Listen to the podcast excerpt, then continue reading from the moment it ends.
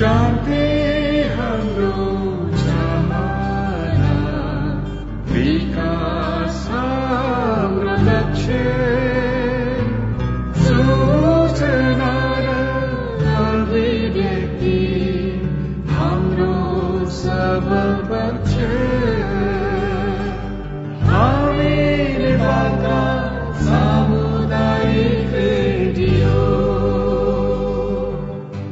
सामाजिक रूपान्तरणका लागि यो हो सामुदायिक सूचना नेटवर्क सीआईएन अहिले बेलुकीको साढे सात बजेको छ। सामुदायिक सूचना नेटवर्क सीआईएनबाट अब प्रसारण हुँदैछ साझा खबर।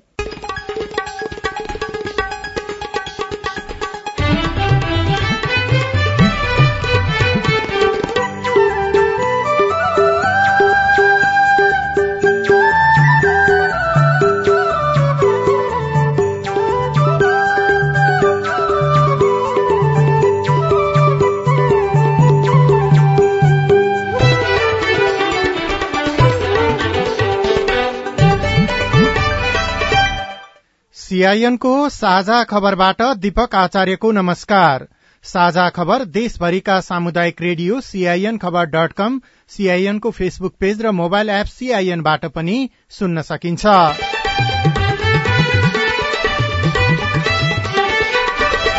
राष्ट्रपति निर्वाचनको मिति नजिकिँदै गर्दा सत्ता सत्ता साझेदार दलहरूबीच दूरी बढ़्यो।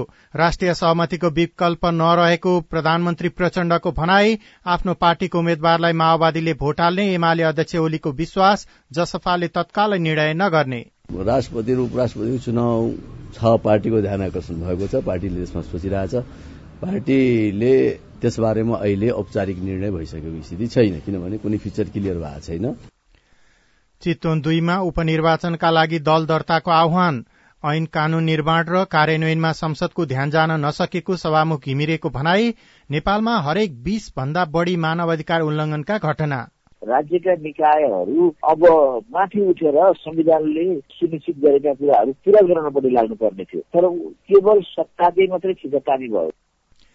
पछिल्लो छ महिनामा जारी भएका मध्ये नब्बे प्रतिशत पर्यटकीय भिसा ढल्केबर मुजफ्फरबाट थप दुई सय मेगावाट विद्युत भारत लैजान सहमत।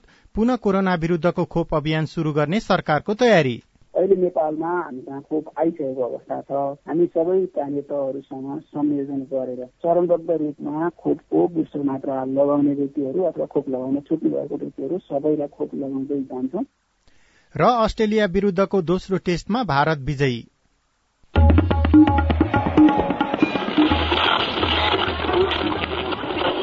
सयौं रेडियो।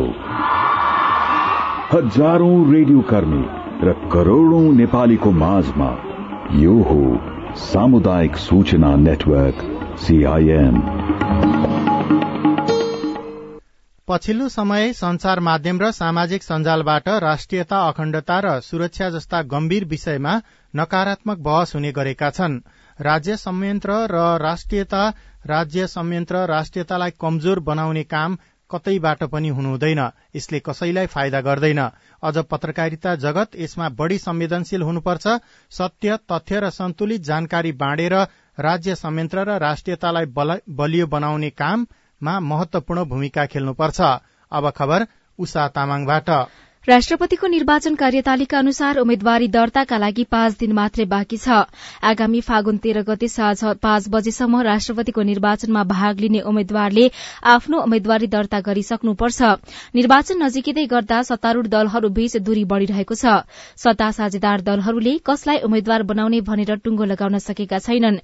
केही दिन यता प्रधानमन्त्री समेत रहनुभएका नेकपा माओवादी केन्द्रका अध्यक्ष पुष्पकमल दहाल प्रचण्ड र एमाले अध्यक्ष केपी शर्मा ओली बीच पटक पटक वार्ता भए पनि कुनै निष्कर्ष निस्किएको छैन। प्रधानमन्त्री प्रचण्डले राष्ट्रपतिमा राष्ट्रिय सहमति आवश्यक रहेको बताउँदै आउनु भएको छ तर आफ्नो पार्टीले सिफारिश गरेको उम्मेद्वारलाई सबै दलले समर्थन गरे राष्ट्रिय सहमति बन्ने एमाले अध्यक्ष ओलीको धारणा छ। तर माओवादी केन्द्रले राष्ट्रपतिको विषयमा एमाले र कांग्रेस दुवै दलसँग समानान्तर सम्वाद गरिरहेको छ। यसैबीच प्रधानमन्त्री पुष्पकमल दाहाल प्रचण्डले वृहत्तर राष्ट्रिय सहमति आजको ऐतिहासिक आवश्यकता भएको दोहोर्याउनु भएको छ। त्रिहत्तरौं प्रजातन्त्र दिवसका अवसरमा आज काठमाण्डुमा आयोजित समारोहलाई सम्बोधन गर्दै वहाँले यस्तो बताउनु भएको हो। बृहत्तर राष्ट्रिय सहमति आजको ऐतिहासिक आवश्यकता हो। जनताको अवस्था बदल्न सरल र सहज सेवा प्रवाह मार्फत सुशासनको प्रत्याभूत गर्न अर्थतन्त्रका चुनौतीहरू सम्बोधन गर्दै समृद्धि संस्थागत गर्न संक्रमणकालीन न्यायको सिद्धान्तका आधारमा मुलुकमा दिगो शान्ति स्थापित गर्न देशको भू राजनैतिक संवेदनशीलतालाई हृदयङ्गम गर्दै स्वतन्त्र र सन्तुलित कूटनीतिक सम्बन्ध स्थापित गर्न सरकार दृढ छ। नेकपा एमालेका अध्यक्ष केपी शर्मा ओलीले भने एमालेबाट राष्ट्रपतिको उम्मेद्वार को बन्ने भनेर फागुन तेह्र गते मात्रै टुंगिने बताउनु भएको छ। उहाँले नेकपा एमाले बनाएको राष्ट्रपतिको उम्मेद्वारलाई माओवादी केन्द्रले भोट हाल्दैन भनेर परिकल्पना नै गर्न नसकिने बताउनुभयो। विराटनगर विमानस्थलमा आज संचारकर्मीहरूसँग कुराकानी गर्दै ओलीले राष्ट्रपति निर्वाचनलाई लिएर अहिलेको सत्ता समीकरण नबदलिने समेत बताउनुभयो। यसैबीच जनता समाजवादी पार्टी जसपाले राष्ट्रपतिबारे निर्णय लिन हतार नगर्ने भएको छ। आज बसेको पार्टीको कार्यकारिणी समितिको बैठकपछि बोल्दै नेता प्रकाश अधिकारीले राष्ट्रपतिको निर्वाचनको विषय आजको बैठकमा प्रवेश गरेको बताउनुभयो। राष्ट्रपतिबारे अहिलेसम्म कुनै औपचारिक निर्णय भएको छैन। कुनै पार्टीले अहिलेसम्म उम्मेद्वार नै नटुंग्याएको अवस्थामा त्यसबारेमा थप छलफल गर्न आवश्यक नरहेको भन्दै आजको बैठक पार्टीको विधान अधिवेशनको विषयमा केन्द्रित भएको थियो। आगामी वैशाख दश गते चितवन क्षेत्र नम्बर दुईमा हुने उपनिर्वाचनका लागि निर्वाचन आयोगले दल दर्ताको आह्वान गरेको छ। आयोगले आज सूचना जारी गर्दै फागुन दशदेखि फागुन सोह्र गतेसम्म दल दर्ताका लागि आह्वान गरेको हो। आयोगले दुई हजार उनासी फागुन पाँच गतेसम्म दर्ता कायम रहेका राजनैतिक दललाई निर्वाचनमा सहभागी हुने प्रयोजनमा दर्ताको लागि आह्वान गरेको छ। नेपालको संविधानको धारा दुई सय एकहत्तर र राजनैतिक दल सम्बन्धी ऐन दुई हजार त्रिहत्तरको दफा चार बमोजिम दुई हजार उनासी फागुन दशदेखि फागुन सोह्र गतेसम्म कार्यालय समयभित्र राजनैतिक दल सम्बन्धी नियमावली दुई हजार चौहत्तरको अनुसूची बाह्र बमोजिमको ढाँचामा निर्वाचन आयोगको कार्यालयमा दल दर्ता निवेदन दिन भनिएको आयोगका प्रवक्ता शालिग्राम शर्मा पौडेलले सीआईएनसँग बताउनुभयो। चितवन दुईको जुन प्रतिनिधि सभा सदस्यको पद रिक्त हुन आएको छ त्यसको लागि आयोगले वैशाख दस गते निर्वाचनको मिति तोकेको हो। र सो प्रयोजनका लागि दल दर्ताको लागि आह्वान गरेको छ। अहिले हामीसँग भएका एक सय सोह्रवटा दल मध्ये चितवनको क्षेत्र नम्बर दुईमा कस कसले भाग लिने हो त? सबैले भाग लिन इच्छा नलिन पनि सक्नुहुन्छ। कानुनी प्रावधान के हो भने निर्वाचन घोषणा भएपछि सो निर्वाचन प्रयोजनको लागि दल दर्ताको लागि चाहिँ सूचना प्रकाशित गर्नुपर्ने हुन्छ। सोही बमोजिम आयोगले सूचना प्रकाशित गरेका छ प्रतिनिधि सभाका तत्कालीन सांसद रवि लामिछानेको सांसद पद सर्वोच्च अदालतले खारेज गरिदिएपछि रिक्त रहेको चितवन क्षेत्र नम्बर दुईमा आगामी वैशाख दश गते उपनिर्वाचनको मिति तोकिएको छ। प्रतिनिधि सभाका सभामुख देवराज घिमिरेले संसदको ध्यान ऐन कानून बनाउनेतर्फ जान नसकेको बताउनु भएको छ। आज अनौपचारिक क्षेत्र सेवा केन्द्र इन्सेकले आयोजना गरेको नेपाल मानवाधिकार वर्ष पुस्तक दुई हजार तेइस विमोचन समारोहलाई सम्बोधन गर्दै सभामुख घिमिरेले ऐन कानून बनाउनेतर्फ संसदको ध्यान जान नसकेको बताउनुभयो। अहिले हाम्रो देशमा धेरै कुराहरू त ऐन कानून बन्ने कुरामा अभावै देखिएको छ। यद्यपि हामीले धेरै ऐनहरू बनाउने कामहरू गरेका छौं तर बनेका ऐनहरूले त्यति बेलाकै कामहरू गर्न कार्यान्वयनको रूप कति लिएका छन् भन्ने कुरा हाम्रा विभिन्न प्रणालीहरू खास गरी संसदीय प्रणालीभित्र अपनाइने विभिन्न खालका समितिहरू र तरिकाहरूबाट त्यसको अनुगमन निष्पक्ष ढङ्गबाट हुन कतिपय कारणले सकिरहेको छैन। संसदको ध्यान पनि त्यतातिर धेरै जान सकिरहेको छैन र संसदलाई कार्यकारी अथवा सरकारले उचित ढङ्गबाट हेरिरहेको छैन। सभामुख मेरीले कतिपय विषय न्यायपालिकामा गएर पनि काममा अवरोध खड़ा भएको बताउनुभयो। यसैबीच नेपालमा हरेक दिन बीसवटा भन्दा बढ़ी मानवाधिकार उल्लंघनका घटना भइरहेका छन्। अनौपचारिक क्षेत्र सेवा केन्द्र इन्सेकले सार्वजनिक गरेको तथ्याङ्क अनुसार सन् दुई हजार बाइसमा सात हजार तीन सय जना मानवाधिकार उल्लंघन घटनाबाट प्रभावित भएका छन्। जसमा राज्य पक्षबाट भएका मानवाधिकार उल्लंघनका घटनामा छ सय बाइस जना प्रभावित भएका छन् जसमध्ये पाँच सय बहत्तर पुरूष रहेका छन् भने पचास जना महिला रहेका छन्। यस्तै अन्य पक्षबाट भएका ज्यादतीका घटनाबाट पाँच हजार नौ सय चौवालिस जना महिला आठ सय सतासी जना पुरूष र तीनजना यौनिक तथा लैंगिक अल्पसंख्यक सहित छ हजार सात सय चौन्न जना प्रभावित भएको इन्सेकले जनाएको छ। इन्सेकका अनुसार एक वर्षमा तीन सय तेइस जनाको हत्या भएको छ भने दुईजना बेपत्ता पारिएका छन्। पैंतिस जना अपहरणमा परेको एकासी जना गिरफ्तार भएको र चार सय अडचालिस जनामाथि कुटपिट भएको छ। कारागारमा त्रिपन्न जनाको मृत्यु भएको छ। इन्सेकले राजनैतिक रूप प्रकृतिका मानव अधिकार उल्लंघनका घटनामा केही कमी आएको भए पनि सामाजिक रूपमा मानवाधिकार उल्लंघनको घटनामा भने सुधार आउन नसकेको बताएको छ। सीआईएनसँग कुराकानी गर्दै इन्सेकका अध्यक्ष कुन्दन अर्यालले भन्नुभयो सुध्रिनुपर्ने कुरा चाहिँ के हो भन्दाखेरि राज्यका निकायहरू अब माथि उठेर संविधानले सुनिश्चित गरेका कुराहरू पुरा गराउनपट्टि लाग्नुपर्ने थियो।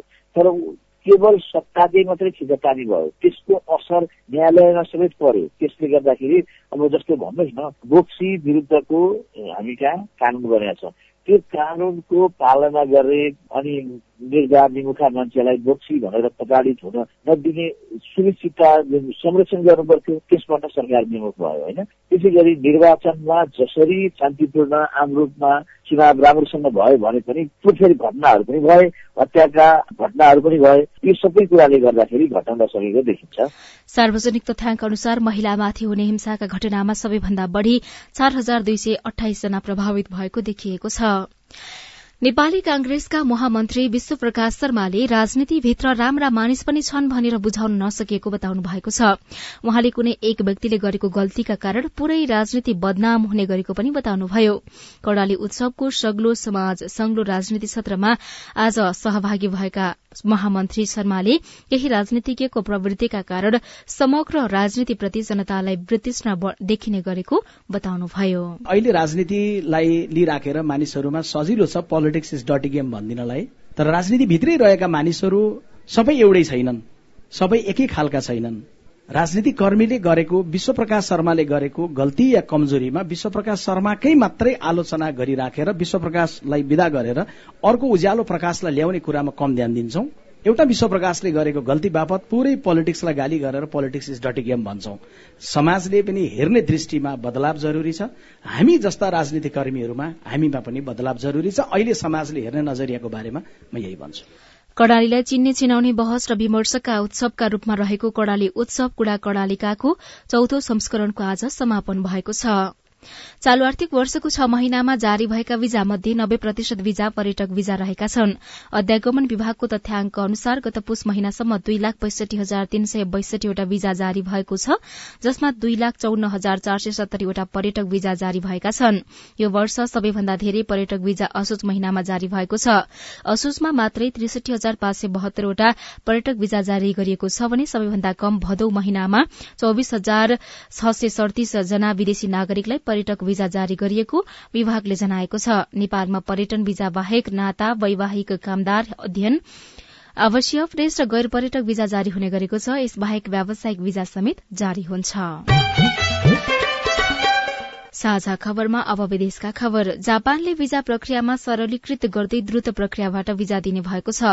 विशेष क्षमता भएका विदेशी दक्ष जनशक्तिलाई द्रुत प्रक्रियाबाट वीजा दिने भएको हो। उन्नत व्यापार र व्यवस्थापन गतिविधिमा आवेदन गर्नेहरूका लागि पाँच वर्ष वा सो भन्दा बढ़ीको रोजगारी समय र वार्षिक चालिस मिलियन ऐन आमदानी भएमा जापानले पाँच वर्षको वीजा दिनेछ। र खेल खबरमा दोस्रो टेस्ट अस्ट्रेलियालाई छ विकेटले पराजित गर्दै भारत आईसीसी विश्व टेस्ट च्याम्पियनशीप दुई हजार तेइसको फाइनल नजिक पुगेको छ। चार टेस्ट खेलको श्रृंखलामा भारतले दुई शून्यको अग्रता लिएको छ जितका लागि एक सय पन्ध्र रनको विजयी लक्ष्य पछ्याएको भारतले छब्बीस ओभर चार बलमा चार विकेट गुमाउँदै पूरा गर्यो।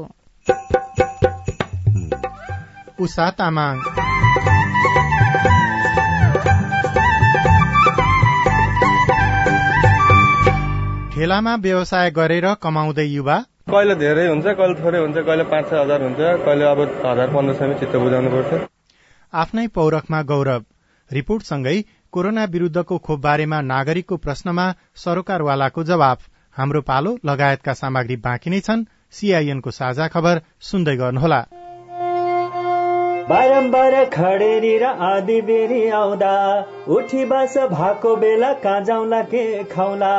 सुक्खा ठाउँमा बाँच्न सक्ने बोट बिरुवा रोपौँ खाली ठाउँमा हरियाली बाढी पहिरो रोकौँ। कृषि भूमि व्यवस्थापन विकास कार्य गर्दा। राम्रो हुन्छ गाउँ घरे ज्ञान सिप जोड्दा। घाँसे मैदान चरण क्षेत्र पानी कामुल जोगाउँ। पशुपालन कृषि गरी छोरा छोरी पढाउँ। परिवर्तन हुँदा नि जलवायु बाँच्न मिल्छ जीवनको सत आयो। बाँच्न मिल्छ जीवनको सत आयो। बाँच्न मिल्छ जीवनको सत आयो। जलवायु परिवर्तनले निम्ताएका चुनौतीको सामना गर्न जमिन जल र प्राकृतिक स्रोत व्यवस्थापनका सर्वोत्तम उपलब्धिहरूको कार्यान्वयन गरौं। पारिस्थितिकीय प्रणालीमा आधारित अनुकूलन आयोजना जलवायु परिवर्तन तथा व्यवस्थापन महाशाखा वन तथा वातावरण मन्त्रालय र सीआईएन। खै यतै कतै कतै भन्थे यता हो कि तल हो कि माथि कता सर नमस्ते। हजुर नमस्ते नमस्ते। हजुर के सेवा गरौं? सूचनाको हक भन्ने बारेमा रेडियो टिममा खुब सुनिन्थ्यो। हजुर। आज पालिकामा छिरेको बेलामा सोधिहाले हजुरलाई। तपाईँले सही व्यक्तिलाई सही प्रश्न सोध्नुभयो। म चाहिँ यो पालिकाको सूचना अधिकारी हुँ। सूचनाको हक भनेको संविधान कानूनमा उल्लेख भएको नागरिकको अधिकार हो हजुर। अनि यो अधिकार त पत्रकारले मागे पाए भन्ने मात्रै सुनिन्छ त। हामी जस्ता सामान्य मानिसले कसरी प्रयोग गर्ने? सूचना माग्ने पत्रकारले मात्रै होइन। कुनै पनि नेपाली नागरिकले सूचना प्राप्त गर्ने कारण उल्लेख गरी सम्बन्धित सूचना सूचना अधिकारी समक्ष निवेदन दिनुपर्छ। विधि र प्रक्रिया पूरा गरी निवेदन प्राप्त भयो भने सूचना अधिकारीले पन्ध्र दिनभित्रमा उपलब्ध गराउनु पर्ने सूचनाको हक सम्बन्धी ऐनमा भनिएको छ। पन्ध्र दिन पो कुर्नु पर्ने व्यक्तिको जीवनको सुरक्षासँग सम्बन्धित सूचना माग गरिएको हो भने नि हजुर चौबिस घण्टाभित्रै जानकारी दिनुपर्छ। अनि सरकारी वा सार्वजनिक निकायका अधिकारीले सूचना लुकाएमा पच्चिस हजारसम्म जरिवाना हुने व्यवस्था ऐनमा छ। त्यसका लागि चाहिँ राष्ट्रिय सूचना आयोगमा पुनरावेदन गर्नुपर्छ। अनि यो सूचना माग्दा पैसा पनि लाग्छ? लाग्दैन लाग्दैन। निवेदन उजुरी र पुनरावेदन गर्दा पैसा लाग्दैन। सम्बन्धित निकायले दिने सूचना दस पन्ना भन्दा बढीको भएमा चाहिँ प्रति पन्ना पाँच रुपियाँ तिर्नुपर्छ। ल कुरो बुझ्यो। अब भोलि नै म पनि सूचना माग्न आउँछु। हस् हस्। अस्ट्रेलिया सरकार र द एसिया फाउन्डेशनको साझेदारीमा सञ्चालित स्थानीय सरकार सबलीकरण कार्यक्रम र अकोराब नेपाल।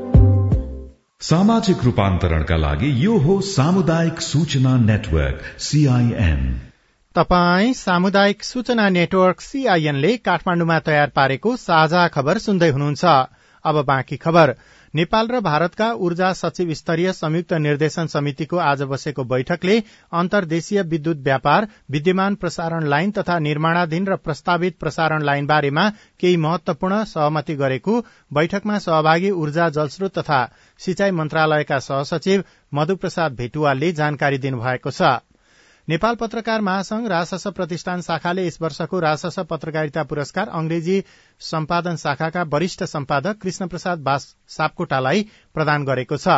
डेढ दशकदेखि अंग्रेजी सम्पादनमा रही उल्लेखनीय योगदान गरे बापत उहाँलाई पुरस्कृत गरिएको हो। सापकोटा विजय विकास स्रोत केन्द्र लगायतका संस्थामा आबद्ध रहनु भएको विजय एफएम नवलपरासीले खबर पठाएको छ। यसैबीच कपिलवस्तु जिल्लाको पहिलो सामुदायिक रेडियो रेडियो कपिलवस्तु एक सय चार थोप्लो दुई मेगाहरले आज विभिन्न कार्यक्रम गरी चौधौं वार्षिक उत्सव कार्यक्रम मनाएको छ। नेपाल स्वरोजगार व्यापार श्रमिक संघका अनुसार देशभर दस लाख हाराहारीमा फुटपाथ तथा ठेला व्यवसायीहरू छन्। काठमाडौँ उपत्यकामा मात्र तीस हजार रहेको अनुमान छ। स्वरोजगार भएर आय आर्जन गरिरहेका मानिसहरूलाई सरकारले शहर व्यवस्थापनका नाममा हटाइरहेको छ तर चितवनको नारायणी किनारमा भने घुम्न आउनेहरू बढ़ी भन्दा बढ़ी ठेला व्यापारीहरूकै सामानहरू किन्ने गर्छन्। भरतपुर एकका सुदीप शाही ठकुरीका साथीहरू कोही विदेश गएका छन् कोही जागिरे छन् कोही साथी चाहिँ बेरोजगार छन् र सामान्य खर्चको लागि पनि अभिभावकको भर पर्छन्। सत्ताइस वर्षका सुदीप भने नारायणी किनार घुम्न आउने पर्यटकलाई चिया कफी चटपट मम लगायतका परिकार बनाएर बेच्नुहुन्छ। तीन वर्ष यता शुरू गरेको व्यवसायले दिनकै चार हजारसम्म आमदानी दिन्छ। पहिला चाहिँ यातायातमा काम गर्थे गर्ने ठाउँमा। छुट्टी मागिरहनु पनि झ्याउ लागेर अनि आफ्नै गर्छु भनेर अनि अरूको अन्डरमा बस्नु परेन नि त। अनि आफैले गर्छु भनेर बसेँ। बुटोलका सत्ताइस वर्षका विजय बहादुर खत्री भारतबाट फर्किएपछि जीविकोपार्जनको नयाँ गन्तव्य बनेको छ नारायणी किनार। उहाँ चटपटी पानीपुरी ससेज लगायतका परिकार बनाएर बिक्री गर्नुहुन्छ। दैनिक पन्ध्र सयदेखि पाँच हजारसम्म आमदानी हुने विजय सुनाउनुहुन्छ। कहिले धेरै हुन्छ कहिले थोरै हुन्छ कहिले पाँच छ हजार हुन्छ कहिले अब हजार पन्ध्र सयमा चित्त बुझाउनु पर्छ। के नराम्रो काम गरे भएको अड लाग्नु है आफ्नो गरेर खानु सुदूरपश्चिम महेन्द्रनगरका राहुल गिरीले पनि नारायणी नदी किनारमै व्यवसाय गर्न थालेको छ वर्ष भयो। एक्काइस वर्षका राहुल थोरै लगानीमा राम्रो आमदानी भइरहेको बताउनुहुन्छ। सानो हुँदाखेरिको हो त्यतिखेर त लात लगाइरहेको थियो अनि अहिले त आफै गर्न लाग्यो नि त त्यही भएर केही भएन। लाज चाहिँ किन लाग्थ्यो? होइन मान्छेहरू धेरै हुन्थ्यो नि त यहाँ हिँड्ने। अनि मान्छेहरू देखेर लाज लाग्थ्यो। बिहान दस बजेदेखि आठ नौ बजेसम्म आठ सात बजेसम्म। अहिले त छैन लकडाउनबाट अहिले मान्छे छैनन् धेरै। नारायणी नदी किनारमा पचासी भन्दा बढी ठेला व्यवसायी छन्। उनीहरूले व्यवसाय गरे बापत महानगरपालिकालाई महिनाको दुई हजार रूपियाँ तिर्नुपर्छ। स्थानीय सरकारले उनीहरूलाई थप व्यवस्थित गर्ने योजना बनाएको भरतपुर महानगरपालिकाका उपप्रमुख चित्रसेन अधिकारी बताउनुहुन्छ। युवा व्यवसाय कर्मीहरूको पनि रोजगार सृजना सहितको। कति हो त नि क्यापेसिटी कति ठेला राखेर उपयुक्त छ बाटोमा दृष्टिकोणले त्यहाँको भूभागको हिसाबले ज्याल त्यहाँको मोटरबोट सञ्चालन कतिवटा चाहिन्छ? त्यहाँ कति उपयुक्त सबै त्यही लगाएर मात्रै तिनीहरू मात्रै भेडा भएर गर्दा त्यसलाई अवलोकन गर्ने यात्रुहरूलाई पनि सहज होस् भन्ने हिसाबको बारेमा सोध्दैछौँ। फोटो खिच्न कार्यालयको काम सकेर साँझमा रमाइलो गर्न र बोटिङका लागि नारायणी नदी किनारमा मानिसहरू आउँछन्। विभिन्न वाहनामा हुने मानिसहरूको जमघटले स्थानीय ठेला व्यवसायीको आमदानी बढ़ाएको छ। Pavitra Parajuli CIN Vijay FM Nawalpur. साझा खबरमा अब हेलो सीआईएन सजना तिमल सिन्हाबाट। आज राष्ट्रिय प्रजातन्त्र दिवस परेकाले सीआईएनको फेसबुक पेजमा आएका तपाईँका प्रतिक्रियालाई हेलो सीआईएनमा समेटेका छौं। धेरैजनाले कागजी रूपमा व्यवस्था फेरिए पनि जनताको अवस्था भने नफेरिएको गुनासो गरेका छन्। रमेश गिरी लेख्नुहुन्छ देशमा थिति र विकास छैन कागजी रूपमा व्यवस्था फेरिए तर जनताको अवस्था फेरिएको छैन।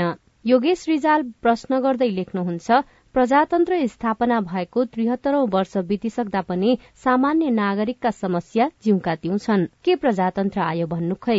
डीबी पन्तको प्रतिक्रिया छ शाब्दिक अर्थको शुभकामनामा मात्रै सीमित नबनुन् यी दिवसहरू। प्रजातान्त्रिक मूल्य मान्यता र लोकतान्त्रिक मूल्य मान्यताको अभिन्न तत्वका रूपमा रहेको आवधिक निर्वाचनलाई स्वच्छ मर्यादित र निष्पक्ष बनाई सफल प्रजातन्त्रको विकास गर्न सरकार वा सरकारवाला पक्षले ध्यान दिनुपर्छ।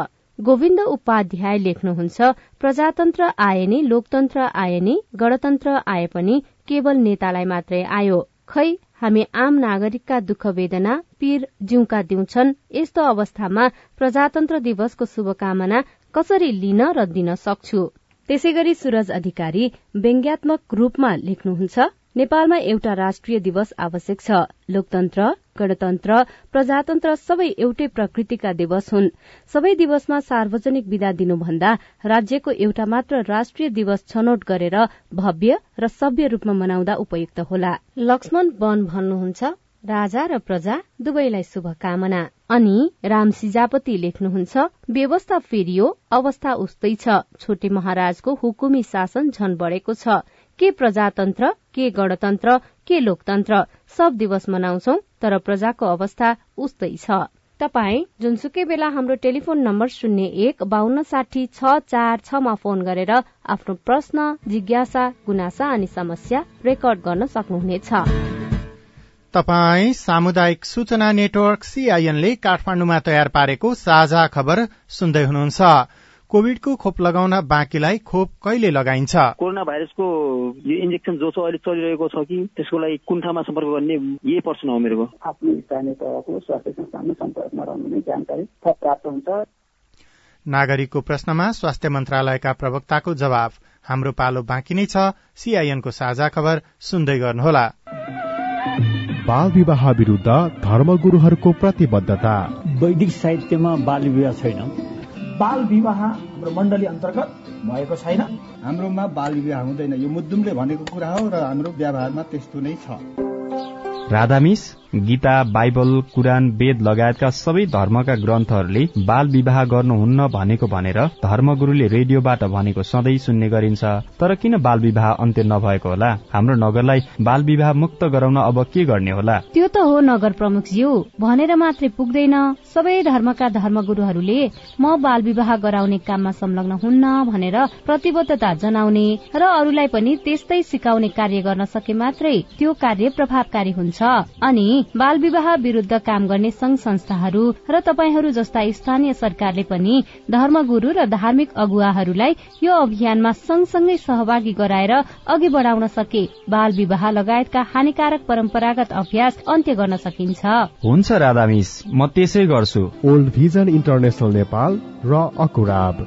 सामाजिक रूपान्तरणका लागि यो हो सामुदायिक सूचना नेटवर्क सीआईएन तपाई सामुदायिक सूचना नेटवर्क सीआईएनले काठमाडौँमा तयार पारेको साझा खबर सुन्दै हुनुहुन्छ।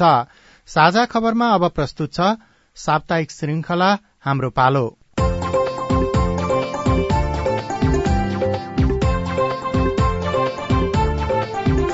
नमस्कार म सुशीला। कार्यक्रम हाम्रो पालोमा हामी कोविड लगायत अन्य महाव्याधि वा विपदका समयमा बाल सुरक्षा बाल अधिकार शिक्षा स्वास्थ्य लगायत अन्य सरोकारका विषयमा बाल बालिका किशोर किशोरी युवा र सीमान्तकृत समुदायका सवाल लिँदै त्यसको उत्तर खोज्ने प्रयत्न गर्नेछौ। आज हामी हाम्रो पालोको उनानब्बे खण्डमा छौं। पछिल्लो समय नेपालमा कोरोना संक्रमण दर शून्य जस्तै छ। यसले नेपालमा कोरोना संक्रमण दर घटिरहेको स्पष्ट देखाउँछ। तर विश्वका विभिन्न मुलुकमा कोरोना भाइरसका नयाँ नयाँ भेरिएन्टहरू पुष्टि भइरहेका छन् जसले नेपालमा कोरोना महामारीको अर्को लहर शुरू नहोला भन्न सकिन्न। यसका लागि नेपाल सरकारले कोरोना विरूद्धको थप बुस्टर मात्रा खोपहरू भित्राइरहेको छ। र अबका केही दिनमै थप बुस्टर मात्रा खोप नेपालका विभिन्न स्थानमा रहेका नेपालीहरूलाई वितरण गर्ने स्वास्थ्य मन्त्रालयको तयारी छ। आजको हाम्रो पालोमा हामी यही कोरोना खोप र कोरोना बारे फैलिएका अफवाह बारे स्वास्थ्य मन्त्रालयको जवाफलाई प्रस्तुत गर्दैछौ।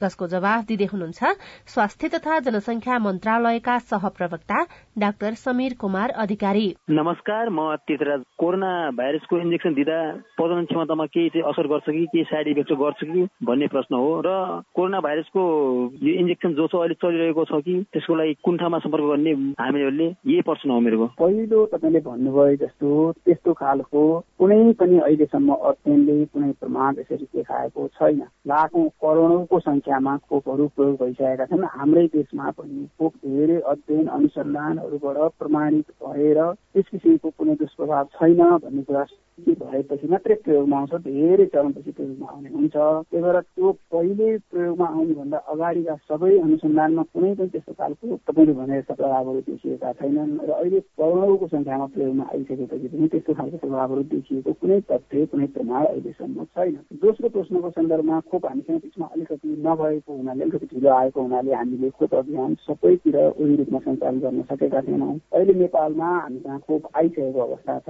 हामी सबै स्थानीय तहहरूसँग संयोजन गरेर चरणबद्ध रूपमा खोपको बुस्टर मात्रा लगाउने व्यक्तिहरू अथवा खोप लगाउन छुट्नु भएको व्यक्तिहरू सबैलाई खोप लगाउँदै जान्छौँ। नमस्कार मेरो नाम हर्कबहादुर हो बैतडी जिल्लाको सिगास गाउँपालिका। जसले कोरोनाको खोप लगाइसकेको छ उसलाई कोरोना लाग्छ भन्ने पनि सुनेका छौँ हो कि होइन यो?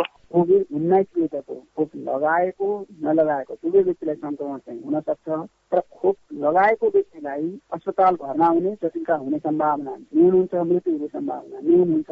तर नलगाएको व्यक्तिलाई त्यो सम्भावना एकदमै एकदमै उच्च हुन्छ। मेरो नाम लक्ष्मी मैले यही साउन नौ गते कोरोनाको खोप लगाइसकेको छु। अब दोस्रो खोप लगाउन चाहिँ कहाँ जानुपर्छ होला? तपाईँले कोभिड उन्नाइस विरुद्धको पहिलो मात्रा खोप लगाइसक्नु भएको छ भने लगाउनु भएको पनि आफ्नै स्थानीय नजिकमा रहेको स्वास्थ्य संस्थामा लगाउनु भएको होला। अब त्यही स्वास्थ्य संस्थामा बुझ्नुभयो भने अथवा आफ्नो पक्षको स्थानीय तहमा बुझ्नुभयो भने अब खोप हामीसँग आइसकेको छ। सबै स्थानीय तहमा खोप उपलब्ध हुँदै जो खोप लगाउन बाँकी हुनुहुन्छ। उहाँहरूलाई लगाउने व्यवस्था गर्दै जान्छौँ।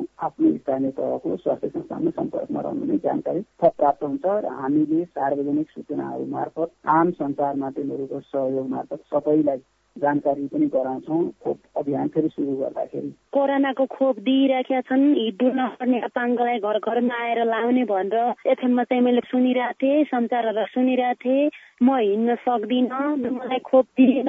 घर घरमा आएर मलाई ल्याइदिएन। यस्तो अवस्थामा हामीले आफ्नो ओडाको जनप्रतिनिधिहरू जो हुनुहुन्छ जो आफ्नो घर वरिपरि अलिकति बुझ्ने हुनुहुन्छ अथवा आफ्नो सम्पर्कमा जो आउनुहुन्छ उहाँहरूलाई ओडा कार्यालयमा अथवा नजिकको स्वास्थ्य संस्थामा सम्पर्क गर्न लगाएर यसरी त्यहाँसम्म स्वास्थ्य खोपको केन्द्र बनाइएको छ त्यहाँसम्म जान सक्ने अवस्था छैन। यसरी खोप लगाइदिनलाई सहजीकरण गरिदिनु पर्यो भनेर स्थानीय जनप्रतिनिधिहरू समक्ष त्यो कुराहरू राख्नु भने उहाँहरूले त्यो स्थानीय रूपमा प्रोटेस्ट को हुनुहुन्छ भन्ने हिसाबले सहजीकरण गर्नुहुन्छ। सुर्खेत जिल्ला सिंहर गाउँपालिका दुई। यी सरकार चाहिँ खोप उत्पादन कर सकना ऊ मेरा एक नियम बना दे कले से और मजा हुन रहे।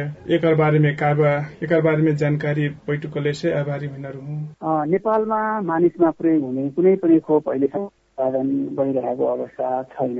अब खोप उत्पादन गर्ने कुरा क्रममा त्यसको लागत त्यसको प्रतिफल त्यो सबै कुराहरू हेरेर मात्रै लगानी गर्ने विषय हुन्छ। हो आफै कहाँ सबै त्यो क्षमता हुँदाखेरि त राम्रो तर त्यसमा हामीले लगानी प्रतिफल बजार सबै कुरा हेरेर सम्बन्धित विज्ञहरूले त्यस अनुसार दिनुभएको सिफारिस अनुसार सरकारको सम्बन्धित निकायले समन्वय गरेर खोप उत्पादन लगायतका विषयमा काम गर्ने हो। अहिलेको सन्दर्भमा नेपालमा खोप उत्पादन सम्बन्धी कोभिड उन्नाइसको मात्रै खोप होइन अरू कुनै पनि मानिसमा प्रयोग हुने खोप उत्पादन हुने गरेको छैन।